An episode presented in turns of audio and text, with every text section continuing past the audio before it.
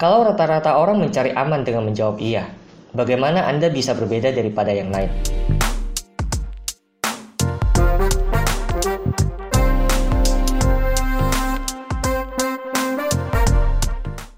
Halo teman-teman, dengan saya Remblenda, selamat datang di Marketing Podcast. Podcast yang saya dedikasikan untuk para pebisnis online di Indonesia yang sedang berjuang di luar sana. Nah, saya turut prihatin dengan nasib teman-teman yang saat ini mungkin sedang bergumul karena pekerjaannya, karena usahanya.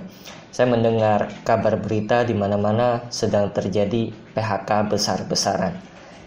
Tapi di balik setiap kejadian, saya yakin selalu ada hikmah yang bisa kita petik. Selalu ada pelajari yang uh, pelajaran yang bisa kita dapatkan. Ini adalah masa sulit untuk kita semua, namun di masa seperti ini menurut saya adalah masa yang tepat untuk kita mengupgrade kapasitas diri agar ya ketika kondisi nantinya sudah pulih kembali maka kita semua itu sudah jauh lebih siap untuk mengeksekusi setiap peluang baru yang ada di depan mata. Karena kata orang kesuksesan itu adalah persiapan ketemu dengan kesempatan. Percuma kalau Ternyata di depan mata kita itu ada kesempatan emas, tapi kitanya itu tidak siap. Nah, di podcast kali ini saya ingin sharing kenapa menurut saya seseorang itu bisa dengan mudahnya dipecat di perusahaan tempat ia bekerja dibandingkan yang lain. Nah, ketika Anda punya skill set yang top chair, ya, yang mantap, Anda bakal dibayar berdasarkan hasil. Ya, pendapatan Anda akan ditentukan dari seberapa produktifnya Anda, berapa hasil yang bisa Anda hasilkan untuk perusahaan. Bukan lagi berapa jumlah jam kerja Anda, lembur Anda berapa jam dikalikan berapa duit sehingga pendapatan Anda segitu-segitu aja. Bukan lagi seperti itu, ya. Anda kerja 12 jam sehari bukan tandanya Anda itu produktif. Begitu juga kerja 4 jam sehari juga belum tentu tandanya Anda itu males, ya. Anda harus tahu kalau Anda itu masih dibayar dengan upah minimum saat ini kalau ya kalau masih dibayar dengan upah minimum saat ini. Itu berarti Anda bisa dengan mudah tergantikan oleh siapa pun juga. Kenapa? Karena entry barrier-nya itu mudah. Ya Anda bayangkan siapa saja ya yang punya uh, gelar mungkin saat ini kuliah ya. Mereka bisa mendapatkan gaji minimum dengan mudah. Dan begitu banyaknya lulusan di luar sana juga akan mendapatkan kesempatan seperti itu. Entry barrier-nya itu mudah. Ya, untuk orang bisa masuk mendapatkan gaji UMR itu mudah. Tidak ada kesulitan yang cukup berarti ketika suatu saat perusahaan ingin menggantikan hmm, karyawan-karyawannya yang statusnya mungkin bergaji UMR. Oke. Tapi ketika Anda mampu memberikan value yang tinggi ke pekerjaan, ke perusahaan atau ke marketplace atau ke customer Anda, mereka mungkin akan berpikir dua kali untuk menggantikan Anda. Itu lazim terjadi ya karena mutualisme, simbiosis mutualisme saling uh, membutuhkan. Dan kalaupun jika Anda mau minta lebih, itu sangat bisa. Ya, asalkan dalam tahap wajar dan tidak ada yang merasa dirugikan karena bagaimanapun sebuah perusahaan itu tetap akan berjalan sebagaimana mestinya meskipun ya si perusahaan itu kehilangan seorang general manager sekalipun, kehilangan seorang direktur sekalipun. Itu pengalaman saya dulu. Ya. Matahari tetap akan terbit dari timur besoknya. Meskipun si general manager itu dipecat uh, satu hari sebelumnya. Bumi juga akan tetap berputar. Apalagi kalau perusahaan itu sudah berada dalam masa tenang ya let's say 10-20 tahun ke atas uh, perusahaan yang memang sudah pernah melewati krisis uh, perusahaan yang sudah stabil ya mereka tidak sungkan-sungkan untuk memecat direkturnya memecat uh, general manajernya oke okay. apalagi karyawan dengan upah minimum ya. Namun jangan sebaliknya. Anda nggak bisa ngasih value tapi anda minta lebih ya Anda pasti kenal dong dengan orang-orang seperti itu. Ya banyak, ya banyak di luar sana. Saya juga sering bilang ke tim saya kalau misalkan Anda mau cari aman, silakan Anda mengiyakan semua yang saya suruh. Oke. Kata iya itu adalah kata yang paling aman dalam pekerjaan apa pun. Ya meskipun bos tidak akan menyukai Anda, tapi bos juga tidak akan memarahi Anda ketika Anda mengiyakan semua instruksinya dia. Tapi di satu sisi, ini ini saya pribadi loh ya, saya nggak tahu uh, bagaimana dengan leader yang lain. Tapi di satu sisi, saya malah berharap tim saya itu bisa punya pemikiran sendiri. Mereka berpikir kreatif, punya ide, punya pemikiran, ya dan terobosan baru setiap harinya. Mereka mampu memberikan masukan dan mau memberikan masukan, berani memberikan masukan.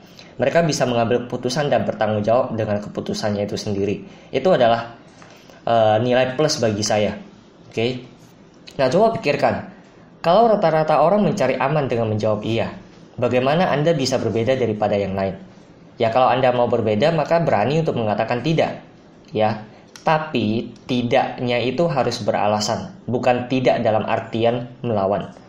Ya, kalau Anda bilang tidak ketika disuruh bos tapi tanpa alasan yang Anda tidak bisa uh, berdebat dengan bos Anda bahwa memang seharusnya tidak ya, Anda siap-siap aja dipecat gitu loh. Nah, tidak ada niat sama sekali untuk menggurui, saya hanya membagikan pendapat dan uh, sekaligus pengalaman saya aja. Ya, saya, dulu saya juga ada di dalam posisi yang tanda kutip berbahaya. Gaji standar, kerja monoton, ya. Jadi kerjanya itu setiap hari hanya sebatas rutinitas masuk jam 9, pulang jam 5, hasil 0. Saya biasa sebutnya itu 905, masuk jam 9, hasil 0, dan pulang jam 5, 905. Nah, saya kemudian berpikir, saya akan jadi apa jika terus-menerus seperti ini dalam 5 tahun, 10 tahun ke depan. Akhirnya saya memutuskan untuk upgrade kapasitas diri.